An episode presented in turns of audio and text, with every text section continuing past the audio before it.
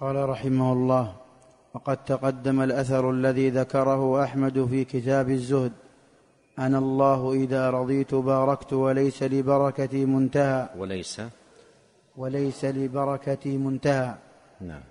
وإذا غضبت لعنت ولعنتي تدرك السابع من الولد وليست سعة الرزق والعمل بكثرته ولا طول العمر بكثرة الشهور والأعوام ولكن سعة الرزق بالبركة فيه. هذا تأصيل مهم جدا يغيب عن كثير من أذهان من الأذهان. يقول ليست سعة الرزق والعمل بكثرته.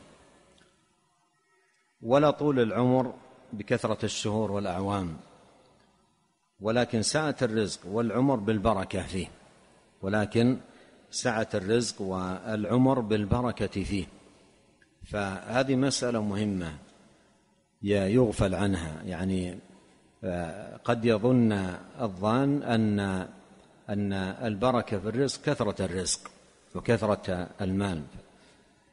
فأما الإنسان إذا ما ابتلاه ربه فأكرمه ونعمه فيقول ربي أكرمن.